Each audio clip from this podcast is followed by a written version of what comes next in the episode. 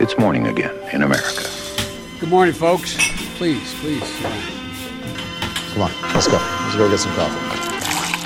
Thank you very much. Det er mandag 21. september. Det er ni dager igjen til den første TV-debatten, 43 dager igjen til presidentvalget, og morgenkaffen er servert. Aller først, hvilke konsekvenser får høyesterettsdommer Ruth Bader Ginsburgs bortgang for resten av valgkampen? Vi i amerikanskpolitikk.no har tatt diskusjonen i en helt ny spesial av podkasten 2020, som virkelig anbefales. Og en ny nasjonal måling. Joe Biden har en ledelse på 8 prosentpoeng i en fersk måling fra NBC News og Wall Street Journal. 51-43. Hovedfunnene i målingen er at nesten 90% av velgerne har bestemt seg allerede, og at nesten 70% ikke tror at de kommende debattene er viktige for utfallet av hvilken kandidat de stemmer på. Dagens første sak, Murkowski går imot eget parti. Senator Lisa Murkowski, republikaner fra Alaska, bekreftet søndag at hun ikke kommer til å støtte partiets ønske om å fylle setet til Ginsburg før valget i november. Fra før har også Susan Collins, republikaner fra Maine, bekreftet at heller ikke hun vil gå inn for en høyesterettsnominasjon før valget. Feilmarginen i kampen for flertallet blir dermed enda mindre for majoritetsleder Mitch McConnell, som kun har råd til å miste tre stemmer i eget parti.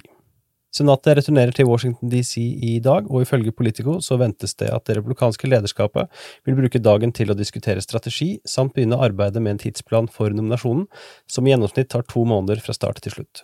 I løpet av uken så forventes det også at Trump nominerer sin kandidat til jobben. Trump har sagt det blir en kvinne. Dagens andre sak, Mitch McConnell har ikke lagt skjul på at han akter å få på plass en votering og dermed fylle Ruth Bader Ginsburgs sete før valget i november. I et brev til sine partifeller i Senatet maner nå McConnell til forsiktighet og ro i hvordan republikanske senatorer uttaler seg om det tomme setet i Høyesterett. I 2016 etablerte republikanerne i Senatet en eh, regel om at tomme seter i Høyesterett ikke skal fylles de årene det er presidentvalg. McConnell hevder nå at dette bare gjelder i de tilfellene hvor majoriteten i Senatet og presidentembetet holdes av hvert sitt parti, noe han mener var grunnen til at de blokkerte Obamas mulighet til å nominere Merrick Garland etter Anthony Scleas dødsfall i februar 2016. Tilleggsargumentet om ulik kontroll av Senatet og Det hvite hus ble ikke nevnt i 2016, men trekkes fram nå.